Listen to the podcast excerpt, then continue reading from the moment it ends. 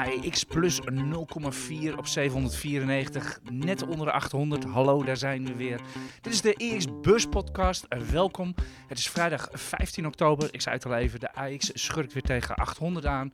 Ik sta hier weer met uh, Niels Koerts, aandelenanalist van EX.nl. Mijn naam is Arentje Kamp, ik ben buscommentator van, uh, van EX. En ik val echt met de deur in huis deze week. Niels, jij hebt iets goed te maken. Ja, we hadden afgelopen podcast, afgelopen week had ik twee keer aangekondigd dat ik een, ja, een soort van een kooptip zou geven. En die gaf je niet. En die zijn we vergeten. Bij deze. Ja.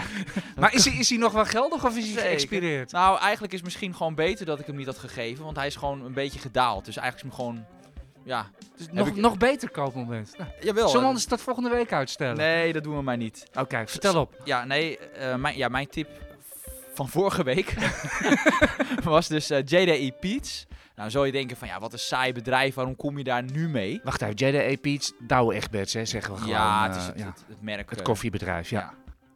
Dus uh, dan denk je van, waar, kom, waarom kom je daar nu mee? hogere grondstofprijzen, hè, daar, daar, hebben ze natuurlijk last van. Alleen als ik gewoon kijk puur naar, ook naar waardering.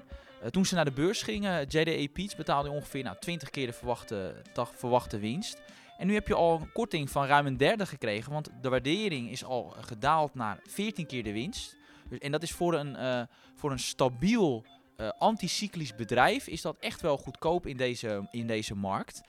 Um, en we rekenen ook nog eens een keer met de winst die onder de verwachting van analisten zit. Dus wij hebben al rekening gehouden dat, uh, dat waarschijnlijk de jaarcijfers, want uh, JDE Peets geeft geen derde kwartaalcijfers, dat die halfjaarcijfers wat zullen tegenvallen. Uh, maar dan nog ja, is dit wel een ja, best wel koopwaardig. Ik ja, maar, zit er zelf ook naar te kijken. Spreek ik even advocaat van de duivel de koers zit in een neergaande trend. Zeker, en dat is wel altijd, uh, dat is ook de reden waarom ik uh, zelf nog niet in zit. Ik kijk altijd wel ook naar momenten van aandelen als ik ze oppik. Dus ik zie, dit aandeel is fundamenteel uh, zeer koopwaardig. Alleen zelf als privébelegger kijk ik, wacht ik wel eventjes dat er een soort van haakje in de grafiek komt. En die is er nog niet. Oké. Maar, maar ja. voor, voor lange termijn, stel je, je hebt wat geld wat je wil wegzetten voor de lange termijn, is dit wel een, een mooi aandeel. Want uh, waardeaandelen, uh, kijk, de laatste jaren uh, heeft groei heeft het gedaan. Maar waardeaandelen, dus daar zie ik echt wel kansen de, de komende jaren. Oké, okay, maar dan speel ik nog een keer advocaat van de duivel. Dat is een mooi beeld wat jij schetst, maar waarom loopt de markt er met een grote boog omheen als het zo'n mooi waardeaandeel zo goedkoop nou ja, is? Omdat dus, uh, ze hebben natuurlijk last van de gestegen grondstofprijzen, uh, waardoor ja, de winst wat onder druk staat. En ja, dit zijn nu niet even de sexy aandelen om in te zitten. Dus... Nee, we hebben het er nooit over op nee. de beurs. De naam valt nooit. We moeten wel even waarschuwen. De free float is heel laag bij, uh, bij. Wat is de free float? Dat is de hoeveelheid vrij verhandelbare aandelen. Er zitten een paar joekels van groot aandeelhouders in. Weet jij uit je hoofd wat de free float is van, uh, van? Nee, ik weet het niet uit mijn Eigenlijk qua grootte, het is een gigantisch van geldwaarde. Het bedrijf zou het zo in de AX moeten. Maar juist omdat er weinig vrij verhandelbare aandelen zijn, zit het in de, zit het in de AMX. Dus als u het overweegt, neem dan niet te groot positie. Ja, maar als jij, als jij iedereen, de meeste mensen die luisteren, die kunnen er prima gewoon een, uh, een bestens-order inleggen hoor, bij JE Piets. Dat, uh, bestens-order? Ja, dat kan echt wel. dat zou ik echt nooit iemand nee, die voor jou rekenen. Nee, ik hoor, doe het zelf ook niet. Ik leg altijd een limiet in. Maar ik denk, stel dat je per ongeluk een, een bestens-order inlegt, of je bent gewoon makkelijk van, ik denk, wil ze hebben. Dan is het echt niet zo dat je ineens een woekerprijs moet gaan betalen voor dit aandeel. Misschien is dat trouwens ook wel eens een leuk idee. Gewoon eens een keer een podcast maken over hoe je nou goed een order inlegt, et cetera. Dat valt ook, valt, ook, valt ook nog wel wat over te zeggen. Uh, hoeveel blunders heb jij daarmee gemaakt? um, nou, het valt wel mee hoor. Ik ben ook door schade en schande wijs geworden. Nee, het valt wel mee. ik let er altijd wel goed op. Uh, ik, ja, ik heb het net over een bestens-order, maar ik let zelf altijd een limiet in. Dus, uh. wel, wel zo verstandig. Je weet nooit wat er kan gebeuren. Oh ja, en nou, nog okay, één dingetje, oh. JDE Piets, nog tot, tot slot. Dus schuldpositie is ook echt verbeterd ten opzichte van de beursgang. Dus, en je hebt een lagere waardering. En ook nog eens een keer de schuldpositie is verbeterd. Dus ja, wat mij betreft een... Uh, win-win situatie. Oké, dat was de koffie. Dan kunnen we nu echt aan deze podcast gaan beginnen. Want ik heb natuurlijk nog helemaal niet verteld wat wij gaan doen. Zoals altijd, we beginnen weer even met een rondje brede markt. We hadden uh, iets over tapering en de vet hadden we deze week. Er was weer allerlei gedoe in China. We hebben inflatie. Ja, al die hete hangijzers die er momenteel zijn, uh, zijn op de beurs. Daar gaan, we het, gaan we het even over hebben. Er waren er een aantal aandelen al hier in Amsterdam met cijfers. Ik noem een Justy Takeaway. Vandaag hebben we Beterbed. Eh, daar ga je zo meteen, meteen even wat van zeggen. Uh, waar de TomTom, waar de Fastnet moet misschien nog even kijken. De DDE-pizza heb je al genoemd. Volgende week hebben we nou, DDE-pizza had geen cijfers hoor. nee, sorry, dat zeg ik dan even verkeerd. Maar die hebben we al besproken. Ik zie hem op mijn lijstje staan, vandaar uh, nieuws. En dan volgende week hebben we cijfers van Philips, ASML, Tesla, Randstad en Wereldhaven. We hebben weer een hele berg lezersvragen. Maar zo eerst even naar Beterbed gaan kijken, omdat die vandaag cijfers hebben. Ja. Ja, zoals verwacht, uh, een groeivertraging. Uh, nou dat had ik uh, in een paar podcasts geleden ook, ook ja, al we hebben het vaak over Beterbed, ja. Populaire ja, aandelen ook, ja. ja Tenminste je, bij ons op de site, ja. kon je mooi zien uit de, ook ja, de resultaten van het Centraal Bureau voor de Statistiek. Kon je echt al zien dat in het derde kwartaal de groei van de sector behoorlijk aan het afzwakken was. En dan weet je gewoon dat dat ook ja, tot uiting komt in de cijfers van, van Beterbed. En dat was ook het geval. Uh, omzetgroei van 5% uh, in het derde kwartaal. En ter vergelijking in het uh, tweede kwartaal was het nog 15%. Dus dat is echt wel een behoorlijk verschil. En die groei is nog 5% omdat zij um, met name online wel uh, goed bezig zijn. Uh, daar, daar, zie je echt wel... Uh, ja, met een ruim kwart van de omzet komt uit online. Ja, dat is echt wel... daar zijn ze goed mee bezig. Ze, zijn, ze hebben daar ook allerlei initiatieven genomen. Ja, dat hebben, ze, dat hebben ze eigenlijk in, in, Wat is het? Twee jaar uit de grond getrokken, ja. Hè? Zoiets. Ja, ja want de, we hebben nu de CEO John Kruijsen. Nou, die heeft wil echt online een slag slaan. Maar daarvoor hadden we de heer van Anbeek. Nou, die zei echt van, nou mensen gaan nooit een bed uh, via het internet kopen hoor. Willen, mensen willen er eerst even in liggen. Nou, ja, meneer de, van Anbeek is intussen fietsen, zullen we maar zeggen. Ja. Die, doet nu, uh, die doet nu Axel. Ja, dus daar, ja. valt ook nog wat over te zeggen. Zeker. Maar, goed, uh... maar dan zie je maar hoe iemand mis kan zitten. ja. En dus echt wel een koerswijziging. maar wat mij met name opviel was dus die, die groeivertraging. Daar had ik dus op gerekend. En je ziet daardoor ook dat de markt best wel nou, neutraal reageert. Ik bedoel, uh, dat zat gewoon ingeprijsd. Um, maar uh, wat met name is waar ik wel op wil letten, is dat uh, het bedrijf heeft enorm ambitieuze doelstellingen. Ze willen echt die omzet binnen vier, vier à vijf jaar hebben verdubbeld. Dat is vrij ambitieus. En dan zie je, denk je nu van nou, 5% omzetgroei, dat gaat hem niet meer worden dan wil ik wel deze CEO echt uh, het voordeel zeker van de twijfel geven. Omdat zij uh, best recent heel wat nieuwe initiatieven hebben genomen. Bijvoorbeeld Leasy. Nou, dat kent nu helemaal niemand. Nee. Dat is gewoon een soort van, nou dan kan je bedden gaan uh, leasen. Dat je in plaats van dat je meteen koopt, betaal je dan maandelijks een bedrag en krijg je er soort van ook extra service bij. Dat hebben ze pas deze maand, of eigenlijk vorige maand in de markt gezet. Dus dat Abonnementen, nog... daar ben ik als belegger altijd dol op. Juist. Als consumenten heb ik er hekel aan, maar als belegger ben ik er dol op. Ja, dus, dus dat is een, een, een nieuw initiatief. Dus afgelopen maand, qua marketing beginnen ze daar pas deze week mee. Dus dat moet allemaal nog komen. En, wat ze doen, ja, daar moest ik wel echt om lachen toen ik het las. Eh, ze, hebben ook een, een soort van samenwerking met een, met, een, met, uh, met een bepaalde partij. Ik ben even de naam vergeten, maar dan willen ze een kartonnen bed uh, hebben, ze, ja, als, uh, hebben, ze de, uh, hebben ze als het ware ontwikkeld. Wat volledig recyclebaar is. ik dacht alleen wel van, wie gaat er in hemelsnaam op een kartonnen bed slapen? Maar ja, ik, ik, lijkt mij totaal, het lijkt me helemaal niks. Maar ja, ook dat begint ook deze maand. Dus ik ben wel echt benieuwd of dat wat klinkt, wordt. Klinkt wel heel groen en zo. Of, of ja, moet ik het niet in ja, die zoek, dat, dat is ook het idee. Oké. Okay, nou, dus ik zei al, heb al gezegd in mijn artikel van Beter Bed gaat op de groene tour. Dus ik ben benieuwd of dat aanslaat. Maar dat zijn allerlei initiatieven. Dat in combinatie ook uh, met dat ze een nieuw um, distributiecentrum openen. Waardoor uh, de leveringen binnen 24 uur kunnen van de bedden. Dus er zijn allerlei initiatieven die nu echt heel recent zijn genomen. En, en ja, dat, dat heeft even zijn tijd nodig dat dat uh, tot uiting okay, komt. Jij geeft hem dus het voordeel van de twijfel. Zeker. in ieder geval. Dat moet je eens kijken of je dat zelf wil doen. Zo, we zijn al bijna 10 minuten onderweg, Niels. Ik denk dat het hoogste tijd is dat we het over de brede markt gaan, ja. uh, gaan hebben deze week. Er gebeurde nogal wat deze ja, week. Ja, ja, ja. De ene, ene moment denk je, die AEX, van nou, we gaan eens echt eens even serieus dippen. En ja, we kopen deze podcast al, we staan weer tegen 800 aan te kijken. En uh, ik, ik vind het een hele moeilijke beurs momenteel. Uh, ik zie geen duidelijke sectoren, misschien met uitzondering van de financials en de, en de energiewaarden. Shell ligt, uh, ligt bijvoorbeeld heel erg goed kan ik er geen touw aan vastknopen. Of het nou defensief is, wat uh, doet dan weer de ene dag goed en ligt technologie weer, weer slecht. En dan zie je het op een dag draaien en dan draait het ook weer de andere kant uit. En dan gaan de rentes zich er ook nog mee bemoeien. Die vliegen alle kanten uit. De Nederlandse rente stond in één keer deze week weer, uh, weer boven nul, omdat er het bericht was dat de vet gaat taperen. Dat was één dag. Ja, was één dag. Dat is inmiddels ook weer, uh, weer negatief. En uh, ja, nou ja, dan is het vrijdag en dan kijken we weer tegen 800 aan. Uh, ik, ik, vind, ik vind het echt een moeilijke markt. Zie jij een eenduidig beeld? Hoe kijk jij er tegenaan? Nee, Nee, het- het beweegt alle kanten op. Ik kan daar echt geen touw aan vastknopen. Echt niet. Wat, wat, vond jij, wat, vond jij, wat vond jij het meest opvallende bericht van de week? Dat de, dat de vet gaat taperen of al die inflatie, eh, of al die inflatieperikelen die er zijn? Want dat zijn wel een beetje de hot thema's nu. Met de supply chain problemen die, de, die er zijn. Ja, ook een beetje de uitspraken van Klaas Knot. Ik denk dat jij daar ook wel een mening over hebt, eh, AJ. Ja, dat was eh, de, heer, de heer Knotte, de, de president van de Nederlandse Bank. Heeft gisteren Bloomberg gehaald. Die heeft hij vast al, die heeft hij vast al op zijn kantoor hangen nu.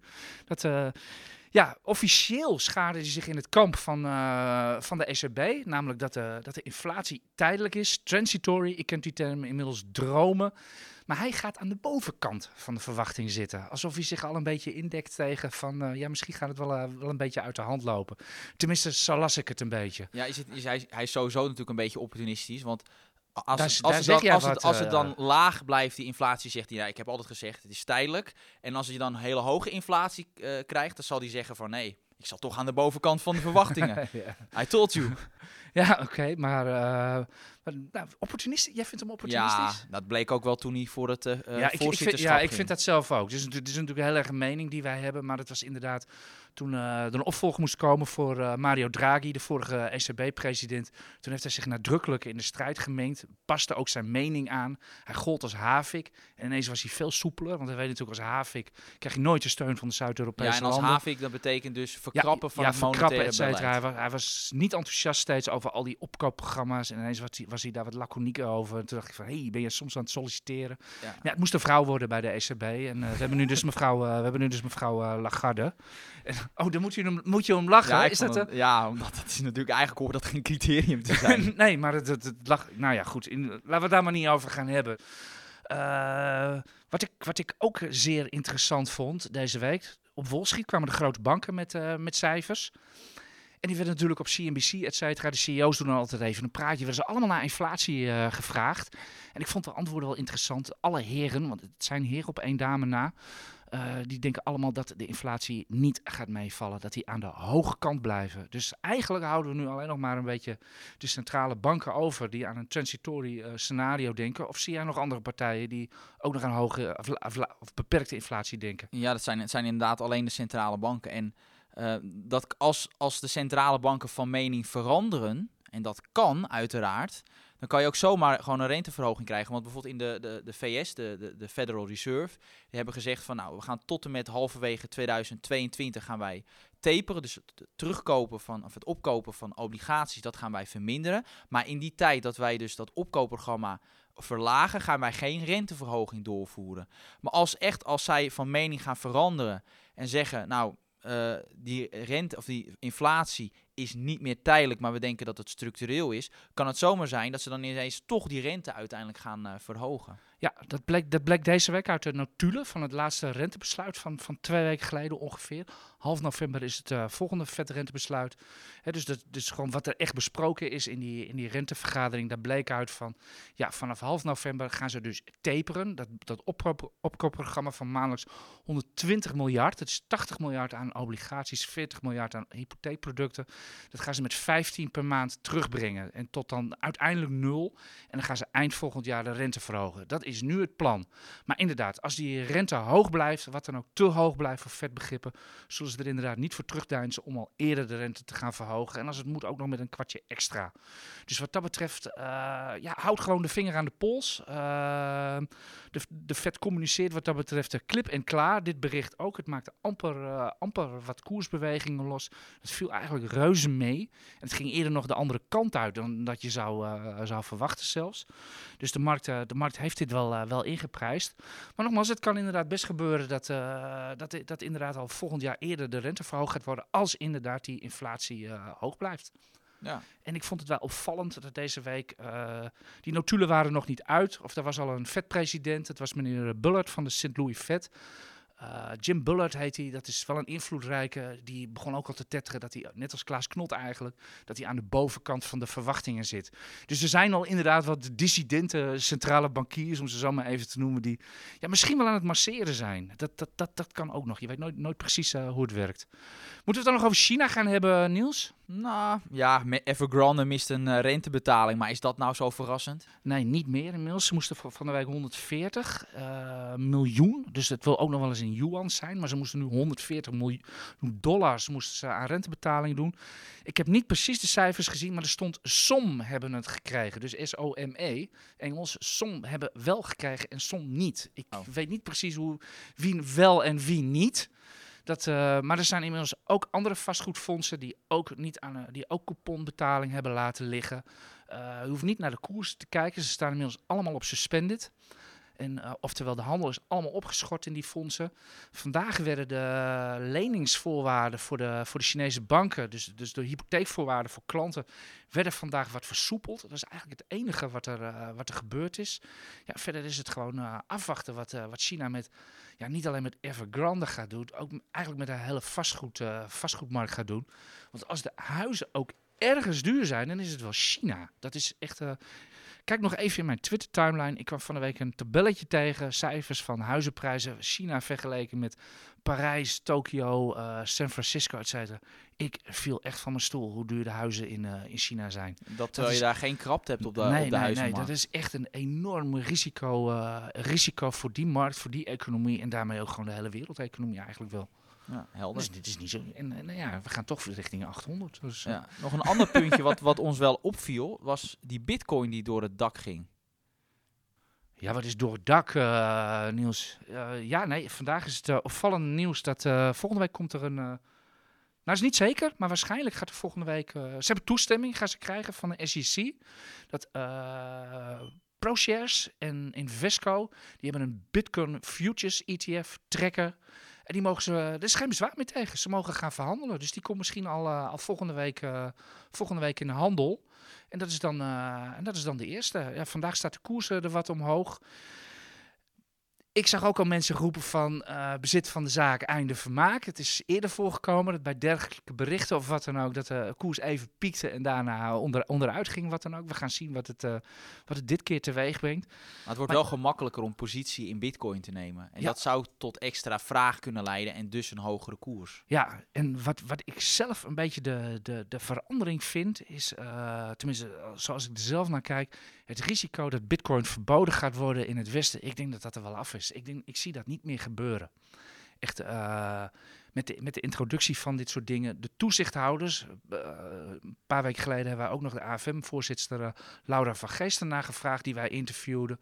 Die sturen aan op regulatie en niet op verbieden. Dat neemt natuurlijk een geweldig risico weg bij die, bij die assets. En ik zat van de week ook weer naar die, naar die bankiers op Wall Street te kijken. Larry Fink ook van BlackRock, uh, de grootste belegger ter wereld met bijna 10, miljoen, 10 biljoen onder beheer. Ja, dat is 10.000 miljard. Ja, dat is ongelooflijk. Om u een idee te geven, de hele Nederlandse pensioen is iets van anderhalf biljoen, geloof ik. Onze hele nationale pensioenpot. Geeft u een beetje een idee van hoeveel die lui wel niet beheerden daar. Die zit er ook gefascineerd naar te kijken, zoals hij uh, zoals het zelf zei. Maar hij ziet er geen waarde in. Hij sloot zich daarmee aan bij JP Morgan CEO Jamie Dimon, de beroemde Jamie Dimon. Die zegt van, persoonlijk denk ik dat bitcoin hartstikke waardeloos is. Maar iedereen, uh, iedereen vindt het leuk. Dat, dat zei hij zo ongeveer. Daar sloot Larry Fink zich bij aan. Maar mijn oog viel nog het meest op de quotes van uh, Ken Griffin van uh, Citadel. Dat is uh, nou, misschien wel de grootste marketmaker ter wereld in Chicago. Die, die heeft gezegd, die, die, die zei letterlijk van nee, wij bij Citadel, wij handelen er niet in. Wij, wij, handelen niet, wij wachten tot, het, tot er gereguleerd wordt, tot het gereguleerd is. En dat is nu dus het geval? ja, gaat er wel naartoe. Ja, ja kijk, en zo'n man, die, dat is natuurlijk een aards... dat is natuurlijk een, die Ken Griffin is een geniale handelaar. Dat is ook, ook een ondernemer. Maar die houdt zich heel strikt aan zijn handelsregels. En bij hem is het blijkbaar, als niet gereguleerd is, hoeveel ik er ook aan kan verdienen, ik doe het gewoon niet. Nee, en, en sowieso als er dan meer partijen daardoor ook erin gaan handelen, krijg je meer liquiditeit. En hoe beter de verhandelbaarheid over het algemeen, ook hoe beter de prijs van zo'n uh, product. et cetera. Nou, ik zat gisteren naar wat, eh, wat bitcoin producten te kijken. En als je de visie die erop zit, jongen. Alsof, alsof, het, eh, alsof we in 1900 leven, Niels. Wat dat betreft... eh, Ja, hoeveel, Wat dat betreft hoeveel betaal iedereen je? natuurlijk over dat, dat bitcoin. Dat is eigenlijk wel heel grappig. Dat, dat crypto, et cetera. Hè, de mensheid naar next level gaat sturen. Maar als je kijkt naar wat je ervoor moet betalen op de, De markt. hoge kosten hebben we dan dan zijn we echt weer terug bij in de 19e eeuw. Ja, zo maar, wat. maar wat maakt het uit als je, als je 20% per dag kan Ja, verdienen? nou, zo ging het in de dotcom hype ook. Niemand lette toen destijds meer op, op kosten, dividenden, et cetera. En, en, en alles. eh, want ja, je maakt toch 20% per jaar. Wat kan je het je schelen? En eh, in die tijd is, is het ook gebeurd. Dat inderdaad gewoon de, standaard kosten. Want ja, de marktpartijen zijn natuurlijk altijd net even wat slimmer. De vaste kosten zijn in die tijd ook stiekem opgevoerd. Beleggingsfondsen waren nooit zo duur. Die zijn in die tijd pas duur geworden. Omdat ze er ieder jaar weer even wat basispunten bij tikten. En zo gewoon lekker zich van inkomsten verzekeren. Maar goed, eh, in ieder geval, hè, de professionele markt zit, zit, met, zit, zit echt te azen volgens mij om, eh, om die, die bitcoin-markt op te gaan. Er zijn veel klanten die het willen. Valt veel te verdienen. Dus eh, ik zit er zelf dus ook wel een beetje aan te denken. eh, als we een keer een mooie dip zien of wat dan ook, gooi ik er ook eens lekker wat, wat is een mooie dip? Gewoon meer, ja, 20, 30 eraf. Ik bedoel, af en toe zie je gewoon een streep naar Ja, beneden. maar dat, en, dat eh, hebben we al meerdere keren gehad bij Bitcoin. Iedere keer doe je het niet. Nee, maar is net wat ik zeg. Ik vind dat de omstandigheden veranderd zijn nu. Dus eh, nee, het was vorig jaar rond deze tijd ook. Toen zat ik er ook naar te kijken. Toen de koers ging omhoog, maar de, de, het waren de professionals die kochten en niet de particulieren. Een collega van mij is erin gedoken om die reden. En ik heb dat niet gedaan. Daar heb ik eigenlijk wel spijt van. Al die, die vorige eh, bubbels, et cetera, die we gezien hebben, heb ik geen spijt van. Omdat het niet in mijn risicoprofiel paste. Maar nu, ik vind het een, ik vind het een beetje anders worden. Maar hoe kan, het, hoe kan je er de spijt van hebben? Jij hebt altijd op kantoor zeg je altijd dat jij eh, belegt in bedrijven. Eh, dat, dat, dat, dat die bedrijven ook echt cash moeten genereren. En nu wil je ineens naar een, een, een, een, een, Ja. asset-categorie wat geen cash Je hebt, je hebt helemaal gelijk, maar ik ga er ook niet in beleggen. Ik leg één keer een bedrag in. Ik ga niet zoals ik iedere, iedere maand de wereldindex kopen, de AIX, et cetera.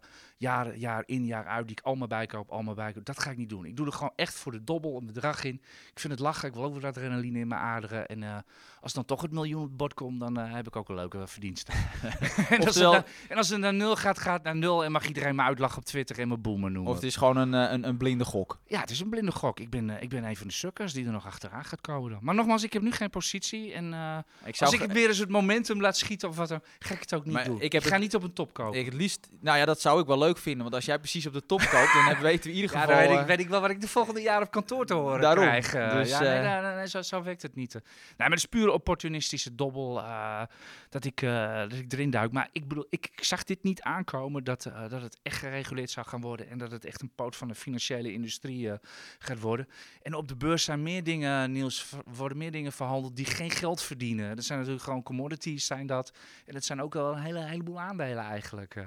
Ja, ja ik, ik heb er een aantal in mijn hoofd. Maar, Ja. eh, Wat zullen we doen? Zullen we eerst naar de leesvragen gaan of gaan we eerst met het Nou, grote item beginnen? Ja, het begint toch wel met het grote item. Dat is natuurlijk de, het, het uitstel van de beursgang van, eh van Coolblue. De tweede keer dat ze het, de beursgang hebben uitgesteld, maar dit keer voor onbepaalde tijd.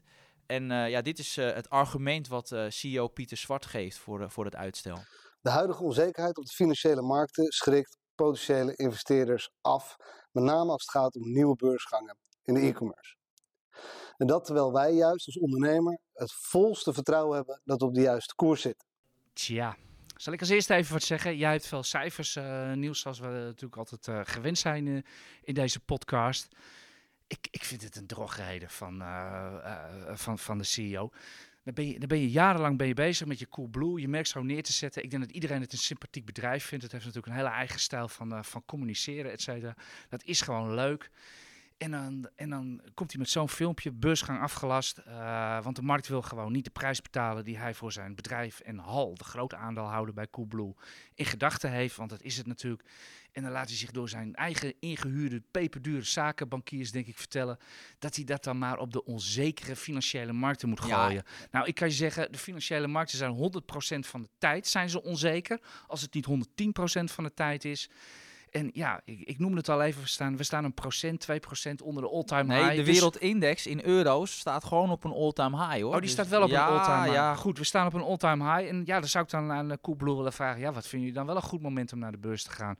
Maar ik zei het al even, eh, de markt wil niet betalen voor, eh, voor Coolblue wat, eh, wat Hal en Coolblue zelf in gedachten hebben. Klopt dat, Niels? Ja, want ze zeggen dus die onzekerheid, maar dat, dat is dus niet de reden. De echte reden is die gewoon die winstwaarschuwing die ze hebben afgegeven. Eh, daardoor gaan Wacht even, winstwaarschuwing. Ze hebben vorige week een winstwaarschuwing Juist, afgegeven. ja. Ja.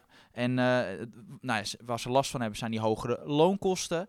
En eh, dat, ja, dat heeft ertoe geleid dat hun marges dusdanig hard omlaag gaan. Dat ongeveer die winstgevendheid in de tweede jaarhelft 40% lager uitkomt. Ja, dan is het niet zo gek eh, eh, dat, dat de markt gewoon iets minder wil betalen voor Coolblue. ja, die gaan dan ook een korting van 40% Nou, hanteren. dat is misschien wel wat overdreven. Want bij dit, bij dit soort bedrijven moet je toch meer kijken ook naar de groei in plaats van op de Natuurlijk, maar, winstgevendheid. maar toch, er gaat gewoon een korting op. Ja. Ja, want bij bedrijven met echt, echt flinterdunne marges, ja, daar hoort gewoon een iets lagere waardering bij, omdat het risicoprofiel ook hoger is. Dus eh, ja, echt, ik... eh, Ja, nou wacht even. Nou, wilde, nou wil, had, uh, hadden Coolblue en, en Hal in gedachten. Ja, ik noem Hal er gewoon echt bij. Die, die, die rekenen gewoon, die doen misschien wel echt al het rekenwerk voor, voor Coolblue. Die slimmerikken uit, uit Rotterdam. Die hadden een bandbreedte van 4 tot 6 miljard in gedachten. Wat denk jij dat Coolblue momenteel waard is? Nou, ik zat ongeveer op 4 miljard. Uh, maar dan zat ik echt aan de onderkant van die, van die bandbreedte. Ja. Uh, maar je ziet nu toch uiteindelijk dat de markt dat niet wil betalen. En dan heb ik zelf ook mijn schattingen wat verlaagd naar ongeveer nou, 3,7 miljard. Dan betaal je ongeveer anderhalf keer de omzet. Dat is echt wel een, een flinke discount ten opzichte van bedrijven zoals Amazon. Uh, je hebt ook... Um, ja, Bol.com is, ja, is het lastig om een waardering te, te plaatsen, omdat uh, Ahold geeft helaas alleen omzetcijfers van, uh, van Bol.com. Maar je hebt ook Zalando en dat, met name Zalando, uh, Amazon, die hebben een veel hogere waardering. Maar dat is dus ook gerechtvaardigd, omdat die bedrijven dan ook hogere marges draaien dan Coolblue. Ja, en dus Coolblue is blijkbaar ook heel gevoelig voor dit soort dingen. Ja, ja, dit is ook niet zo gek. Ik bedoel, het is heel moeilijk om, om, om, om met name goedkoop personeel te krijgen door de, door de krapte op de, op de arbeidsmarkt. En daar heeft een partij als Coolblue last van. Ja, die moeten dat dan oplossen door hogere lonen te geven. Ja, en als je al lage marges hebt, ja, dan ben je er extra hoog is niet aan de orde nee, natuurlijk. Nee, dan, uh, ja. Nee, en dat is dus het probleem. Als je dan al lage marges hebt, dan ben je daar extra gevoelig voor. Omdat, stel je hebt een marge van 4% en die gaat naar 2, dan halveert je winst. Kijk, als je marge 50 is en gaat naar 48, ja, dan gaat er niet zoveel af. Maar van 4 naar 2, ja, dat is een behoorlijke daling. Dus uh, ja, dat is gewoon, het is de winstwaarschuwing. Je Ja. kan er niks anders van maken. Oké, het is de tweede keer. Zie jij Coolblue überhaupt nog naar de beurs komen? Of, uh... Nou, dat is nu wel op de lange baan geschoven. Ik kan me niet voorstellen dat ze, dat ze, dat ze binnen een paar maanden weer terugkomen. Ik denk nu echt, dat is nu weer echt al een kwestie van jaren, ga ik vanuit. Dat denk ik ook. Ik weet alleen dat uh, groot aandeelhouder Hal, ze hebben 48,5 uit mijn hoofd. Van, ja, afgerond 49 Ja, nou in ieder geval is kortom een zeer zware stem daar. Uh, die hebben natuurlijk engelen geduld. En die zijn natuurlijk bereid ook om jaren te wachten. Dus het ja, kan best wel en, zijn en vergeet, een- vergeet ook niet dat Hal, uh, die zit al op een enorme bash met, met cash. Dus waarom zouden ze per een se nu... met cash, die onthouden we. Een berg met cash. Ik versprak me weer. mooi. nee, maar die, die zit al op een hele groot, grote zak met geld. Dus die hebben ook helemaal geen belang om daar op korte termijn om, daar, uh, om, om te cashen met Coolblue. Dus die willen de hoofdprijs en anders niet. Nee, en net wat ik zeg, als je van Hal iets kan leren, is dat uh, geduld en uh, heel erg kan lonen op de markt. ik denk dat we nu eerst maar eens even naar de lezersvragen moeten gaan, Niels. We hebben weer een aantal eh, interessante lezersvragen binnen gehad. Uh, nou, de eerste, ja, die is echt voor mij. Dat kan ik echt ja, van. Die is van uh, Brian van de Meer. Die zegt: Hey Niels, weet je waarom de koers van Deutsche Telekom de laatste tijd achterblijft? Wacht even, dat is toch gewoon een aandeel wat jij uh, loopt te pluggen hier? Zeker, en hij blijft achter. Daarom Wacht, heb jij mijn... positie of niet? Ik heb zeker positie. Ja, staat hij met een enorme grijns staat hij me aan te kijken. Ja. Vertel. Ja, nee, op zich hoef je daar over deze koersdaling niet zo'n zorgen te maken. Het is een beetje... Um, het, is, het, gaat, het zit zo dat... Um, Niels, Deutsche... als mensen zich altijd erg zorgen over maken, zijn ja. koersdalingen. Ja, dat weet ik, maar ik maak me er wat minder zorgen om, omdat dit gewoon een goed lange termijn aandeel okay. is. Maar uh, wat, wat het is, is dat um, Deutsche Telekom heeft zijn belang vergroot in T-Mobile USA. Dat is zijn dochter. En uh, wat je toch ziet is dat die dochter uh, tegen een korting wordt gewaardeerd door de markt. En omdat nu er signalen zijn dat ze dat belang verder willen uitbreiden, ja, ligt, staat het aandeel van Deutsche Telekom wat onder druk. Omdat ja, dat belang in T-Mobile USA gewoon wat minder wordt gewaardeerd. En de markt liever zag dat Deutsche Telekom dat gewoon zou eh, nou ja, verkopen en dat geld naar de aandeelhouders zou sluizen. Dus het is gewoon een soort van eh, ja, tijdelijke eh, verkoopdruk. Ik kan daar niks anders van maken. Dus het is lange termijn is dit, wat mij betreft, het waardeaandeel. Als, ik, als je echt mij moet vragen wat is, wat is je favoriete waardeaandeel, dan zit je bij mij echt bij, eh, bij Deutsche Telekom. Omdat je een relatief laag risico hebt. Een lage waardering en een best wel mooie eh, groei eh vooruit. Goede upside. In ieder geval, jij houdt de aandelen, begrijp Zeker ik. Dit, dit is een aandeel, dat durf ik wel, wel te stellen, dat ik waarschijnlijk de komende 10 jaar niet van de hand doe. Of er moet echt iets gebeuren dat, dat je echt een waanzinnige waardering Mm. op, op het bord staat. Niels, we gaan niet tien jaar vooruit kijken op de beurs. Ja, dat, dat, soms dat, bij dit aandeel durf ik dat aan. Ik weet dat, Dat- jij daar geen fan van bent. dat doen we alleen met statistiek. Nou goed, dat kunnen we nog wel eens over de hebben. tweede vraag is eh, voor jou, AJ. Oh. Eh, waar je het beste in kan zitten als de rente stijgen van Wessel Horen. Nou, financials. Jawel hè? Ja. Dat is de Ja, place ik to zou be. niet weten wat ik anders moet zeggen. Ja, eh, ja financials. Ja, ja, en ik moet Ja, dan, dat, en dan, dan misschien nog wel het meest. ehm, let vooral op de. De mooiste correlatie is er tussen Egon en de Amerikaanse rente. Dus als u denkt dat de Amerikaanse rente gaat, eh, gaat knallen, dan is eh, Egon wellicht de place to be. ja, ja, wil, wil het toeval dat ik gisteren toevallig eh, Egon heb gekocht. Om deze reden? Ja, sowieso ben ik enthousiast over, over de verzekeraar. Met name de turnaround. vandaar, die dat die, vandaar dat jij deze vraag er natuurlijk ook in hebt gezet. dat was heel... kan, kan ik mooi even mijn Egons pluggen? Nee, nee, nee, nee, nee, want ik was het al van plan. Maar we doen het via deze vraag. Dus dan benut je hem voor. maar, Full eh, disclosure, Niels is een ongelofelijke opportunist. dat zeker. Maar, eh, nee, maar met, met Egon is Nee, het zo- serieus, ja. Ja, s- Egon is, is het geval, is het is sowieso de goedkoopste verzekeraar op de beurs. En wat je ook ziet is dat dus de nieuwe CEO echt een mooie turnaround maakt. De cijfers trekken eh, enorm aan. Ik verwacht ook wel dat ze een soort van, dat dividend, ik verwacht daar nog wel een, een mooie verhoging eh, bij Egon. Er mogen nog wel wat insla heel aanslagen ja, daar, dat- dat Dus, gaat nog ehm, zeker gebeuren. Dus, eh, dus als, als- ik, ja, voor stijgende rentes is Egon wel eh, een mooi aandeel. In ieder geval eigenlijk alle financials. Ik zit zelf met veel plezier naar mijn ING's momenteel, momenteel te kijken. Heb je nog een vraagje, Niels? Ja, van welke kwartaalcijfers we het meest, van, van welke bedrijven eigenlijk de, ja, van welke bedrijven goede kwartaalcijfers verwachten en van welke bedrijven wat minder enthousiast zijn. Die komt van Thijs van Kampen. Nou, als ik dat van tevoren wist. Ja, dat is. Ik, ik, ik, ik, ik, ik, ik voel een beetje aankomen dat de insteek is van nou welk aandeel moet ik nu eh, kopen voor de cijfers en dan hopen we dat die omhoog gaat. En die moet dan 10% omhoog op de Ja, dag dat is- zelf. Dat is altijd erg lastig, want als we dat hadden geweten dan. Zouden eh, wij hier niet nu staan? eh? Nee, dan hadden we multimiljonair geweest. Ehm, nou ja, als je mij echt zou vragen, verwacht ik best wel wat van Ahold. Omdat zij eh, bij de. Ze hadden hele goede tweede kwartaalcijfers. En ik vind hun outlook veel te voorzichtig. Dus daar is heel veel ruimte om, eh, om de verwachtingen te overtreffen bij Ahold. En bij, eh, ja, bij KPN verwacht ik weer helemaal niks van. Nee, ik kan er echt niks. eh Oké, Het is echt de dalende Oké, dat- dat is en- duidelijk, ja. ja. Ja, ik vind, ik vind deze vraag een beetje lastig. Want kijk, kijk het is natuurlijk vaak zo dat, een- dat een, bij de cijfers dat de koers vaak, zeker bij technologie, cyclisch, dat soort aandelen, vaak reageert op de outlook. Tenminste, daar wordt het meest naar gekeken. En veel minder op de cijfers zelf. Hè. Dat is gerealiseerd. Daar kan je gewoon, met het verleden kan je gewoon geen geld verdienen. Dus ik vind de vraag ook wel een beetje, beetje tricky eigenlijk. eh. dus ik, kan beter vragen welk bedrijf gaat met de mooiste outlook komen. Ik denk dat er niet zo heel veel met een gedetailleerde outlook gaan komen. Met eh, al die onzekerheden die er momenteel zijn. Wat dat betreft kunnen we ons wel bij Coolblue aansluiten. Ja. Inflatie, eh, die supply chain dingen, et cetera. Dat, eh, dat zorgt toch wel voor hele, hele rare toestanden hoor. En dat kan ook nog wel jaren duren. Eh, nu een vraag voor jou, één.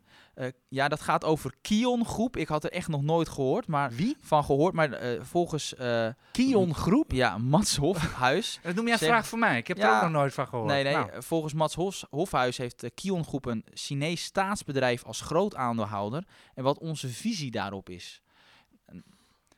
ik, wil, Chinees staatsbedrijf? Ja. ja, ik weet natuurlijk niet hoe groot het percentage is. Als ze echt groot aandeelhouder zijn met, met, met een, percentage boven de 10%, dan hebben, kunnen ze echt wel met de vuist op tafel slaan. Eh, ja, het is zo bij. eh, in, ja, in China is het. Dat is ons de afgelopen jaar wel duidelijk gemaakt door de Chinese overheid. Voor Chinese bedrijven die staan primair in dienst van de Chinese samenleving en, en misschien wel van de partij. En pas in tweede instantie in dienst van de aandeelhouders. En dat zal voor Chinese staatsbedrijven wellicht niet anders gelden. Ik zet er zelf op, op het ogenblik trouwens ook een beetje mee. Ik ben, ik ben natuurlijk al heel lang klant bij uh, eerst Fundcoach, toen Bink Fundcoach. Dat is nu Saxo Bank. Ik heb net een berichtje gekregen van dat het ook geen Bink meer heet, maar nu Saxo. En die hebben ook een grote Chinese aandeelhouder, 25 procent. Ik, zit, uh, ik, ik weet niet of ik dat wil. Ik moet daar zelf ook nog even, even naar kijken. Want uh, ja, de verhoudingen tussen het Westen en China zijn niet leuk. Nee, maar sowieso ook als het gaat om... nu hebben we het dan over een Chinees staatsbedrijf, maar sowieso zijn wij er niet zo happig op. Bedrijven waarbij een overheidsinstantie een groot uh, belang uh, in het bedrijf Nee, echt uh, Frans KLM, ja. ABN AMRO. En dat, dat komt ook omdat een overheid andere belangen heeft dan een normale aandeelhouder. Ja. nou ja, ik, zeg het, ik zei het net ook al, die Chinese staatsbedrijven, ja, die staan in dienst van de partij en niet in dienst van de aandeelhouders. Dus ik geloof ook niet dat dat de bedrijven zijn die de markt outperformen. Waarbij, ik, ik, ik heb, heb, je daar ooit eens naar gekeken? Nee, bedrijven nee, met... zou ik statistiek moeten zien, ja. weet ik niet. Durf ik echt niks over te zeggen. Dus, uh, dus zonder bedrijf te kennen, hoop ik dat ik toch een beetje antwoord heb gegeven. Nee, geen idee. Misschien kan die jongen even mailen wat het bedrijf is. Ik ga het straks even opzoeken. Ja, het is een Duitse fabrikant van transportmateriaal. Maar dat is gewoon, dat zegt Google hoor. Dus, uh, Oké, okay. gaan we even kijken. Um, nou, nog één vraag over uh, premium. Hoe reflecteren jullie Wacht op... even, premium, wat is dat? Ja, dat is ons abonnements... Ah, uh, IX Premium, ja. ja. Waar alle aandelenanalyses staan. Juist. En uh, er is een vraag van... Ja, die man heeft zo'n moeilijke naam. Jakaga Keer heet hij op Instagram. En hoe die vraagt... Hoe, reflect hoe reflecteren jullie op een premium artikel... en welke leerpunten uh, nemen we daarin mee? Nou ja, wanneer zijn wij met name kritisch op? Niet zozeer, kijk, een, het kan zo zijn dat een bedrijf de verkeerde kant op gaat, de koers. Dat, dat is gewoon onderdeel van het vak. Uh, dat, dat de koers nou eenmaal niet uh, de kant op gaat zoals je hoopt. Ja, meestal hoop je van, gebeurt dat wel, maar er zijn ook keren dat dat niet gebeurt. Maar waar wij met name altijd naar kijken is, hebben wij de, de risico's goed in kaart gebracht? Hebben wij, als we bijvoorbeeld verkeerd zitten, hebben we wel gewaarschuwd voor voldoende risico's, voor de juiste risico's. En uh, als dat dus het geval is, en, ja, en uiteindelijk blijkt dat dus dat het risico materieel wordt, dus dat dat bijvoorbeeld bij Bayer is bijvoorbeeld het geval geweest, dat met die rechtszaken, nou dat is iets daar waarschuw je wel voor, maar we gingen er niet van uit dat dat miljarden schade zou toe gaan leiden. Uh, maar als het dan uiteindelijk wel materialiseert, maar je hebt het wel dus in je premium artikel staan, dan denken we oké, nou het is vervelend dat de koers de verkeerde kant op gaat. Maar we hadden er wel voor gewaarschuwd. Maar op het moment dat we dat dus niet hebben gedaan, kijk, dan, dan zijn we wel echt wel zelf kritisch. Dus, uh, dus ja, ik hoop dat op die manier, het gaat bij ons meer om, hebben wij de risico's goed in kaart gebracht van, uh, van onze analyse. Oké, okay. volgens mij doen we dat ook. Uh, volgens mij doen we dat ook hier in deze podcast. We lopen nooit ja. voor onze fouten weg. En, nee. uh, en fouten maken hoort gewoon bij beleggen. Daar hoef je zichzelf ook absoluut niet voor te schamen. Kunt je ook rustig vertellen op borrels. U bent pas ongeloofwaardig als u alleen maar uw successen uh, ja. vertelt. Want iedereen die meeloopt op de beurs weet wel, weet wel hoe de hazen lopen. En dat, dat iedereen maar een beetje loopt aan te rotsen. Ja, eigenlijk die mensen die kan je meteen wantrouwen ja, ja. Moet je altijd even vragen in wat voor huis ze wonen en wat voor auto's ze rijden. Als ze alleen maar successen hebben. Ja.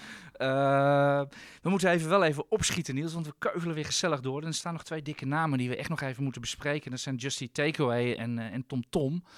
Bij mij vielen de... Justy Takeaway had natuurlijk van de week de omzetcijfers, de orders, geen, geen winsten, et cetera, hebben ze gegeven. Dus echt een update. Het aantal orders nam met 25% toe in Q3. Eén, ja, we kijken als belegger natuurlijk altijd naar de slechte dingen. Sorry uh, Jitse Groen als je meeluistert. Ons viel het uh, cijfer van 3% groei in Amerika op. Een veel te laag uh, groeicijfer voor Amerika. Waar natuurlijk in tegenstelling tot bijvoorbeeld Duitsland en Nederland en, en het VK Justy Takeaway geen marktleider is. Wat vond jij van de cijfers, Niels? Nee, ik werd er ook niet echt blij van. Want met name, kijk, hè, dat is natuurlijk ja, dat is Amerika. Amerika ja.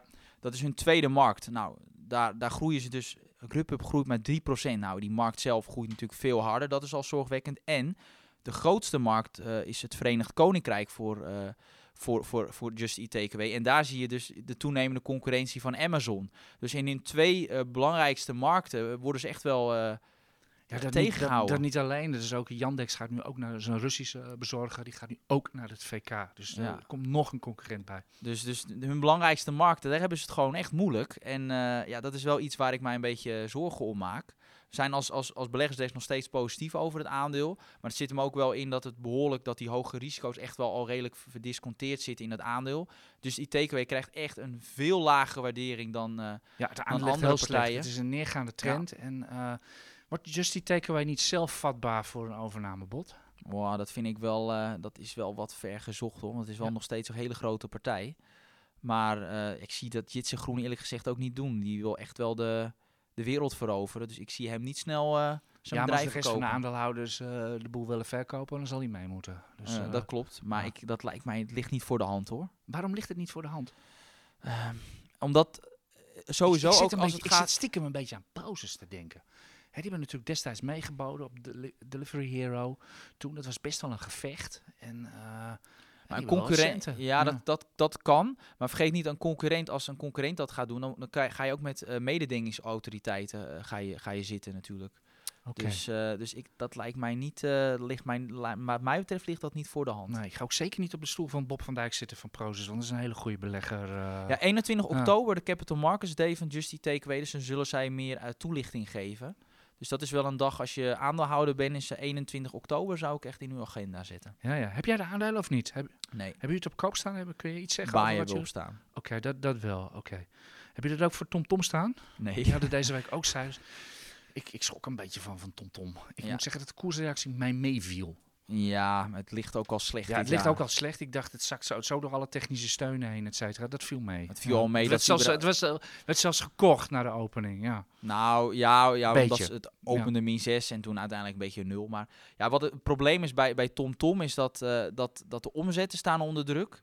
En dan hebben ze ook nog eens een keer dat ze nauwelijks iets verdienen. Eh, die, ja, dat was met name het probleem van deze derde kwartaalcijfers. Dat die vrije kaststroompercentage, dus het deel van de omzet dat ze aan vrije kaststroom halen, dat is, was al laag met 5 en dat ging nu naar 2. Dat is gewoon dikke halvering. Ja, daar schrok ik dus vooral van. Ja, dat de is cashflow droogt helemaal op. Ja. Dat droogt helemaal op. En waar ik sowieso een probleem mee heb, is, eh, is ze moeten het hebben van locatietechnologie. Dat is waar, waar de groei zit bij het bedrijf. Alleen het probleem is dus dat zij dus helemaal niet du- duidelijk aangeven wat hun positie is in de wereld met hun locatietechnologie. Oftewel, wij als beleggers weten niet of die technologie die zij hebben, is dat nou echt eh, ja, veel beter dan de concurrentie of lopen ja, ze heeft het achter? gewoon. Ja, dat weten we gewoon niet. Ze zeggen daar niets over. En ja, dat, dat, Ze verwijt wat TomTom vaak krijgt. Dat ze niet goed en voldoende communiceren. Eh, vind jij dat terecht? ja zeker. Ja. En, en dat soort dingen leidt er ook al- toe. Dan heb je en al zwakke cijfers. En als je dan ook nog slecht communiceert, hoort daar ook een lage waardering bij. Kijk, het enige voordeel wat ze hebben is dat ze nog een, een kaspositie van ruim 300 miljoen hebben. Dat is ruim een derde van de beurswaarde. Ja, dat is de enige reden dat het bedrijf op deze koers uh, Dit, eh, dit, klinkt, wel, dit klinkt wel heel erg Galapagos eh, op deze manier. eh. Ja, Ja. ja. Ja, dat is wel echt een hele andere business. appels met peren. Maar oh, dat is natuurlijk ook een eh, grote zak met geld. hey, we moeten nog even snel naar, want het, het praat allemaal weer lekker weg. Eh, we moeten nog even snel naar de cijfers voor volgende week kijken, want er komen echt een paar leuke aan. Eh, maandag hebben we cijfers van Philips, woensdag is er bij ons ASML en volgens mij dinsdagavond Tesla. Nee, op woensdag ook Tesla. Oh, woensdag Tesla. Ja, ja Philips. Philips. Meer naar kijken of ze wat zeggen, of ze misschien weer een, een eh, voorziening moeten nemen voor Koers die ligt, adem. koers weer- ligt toch weer slecht, hè? Ja, dat ligt matig. Maar ik, ja, voor de lange termijn, ik vind dat ze echt in een ongelofelijke sterke Ja, ja, markt jij zitten. denkt dat ze er wel mee wegkomen, hè? Ja. Met, die, eh, Ja. met die affaires en die, en die rechtszaken. als ze, met die, als ze daarmee Ja. wegkomen, dat inderdaad dat het Ja. uiteindelijk blijkt mee te vallen eh, met, met de claims die ze krijgen, heeft dit aandeel echt 60, 70 Ja, heb je nog een vooruitblik geschreven deze week? Of, Ja, dat doe ik dus. Dat, nee, ja, dat doe ik deze week.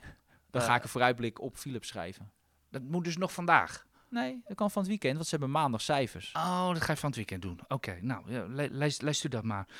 Tes- Tesla ligt goed de laatste tijd. Er zit een hele mooie op opgaande trend. Het is allemaal niet zo uitzinnig en uitbundig en met veel eh, lawaai en tamtam als, eh, als vorig jaar. Maar die koersen die ligt, er echt mooi, eh, die ligt er echt mooi bij.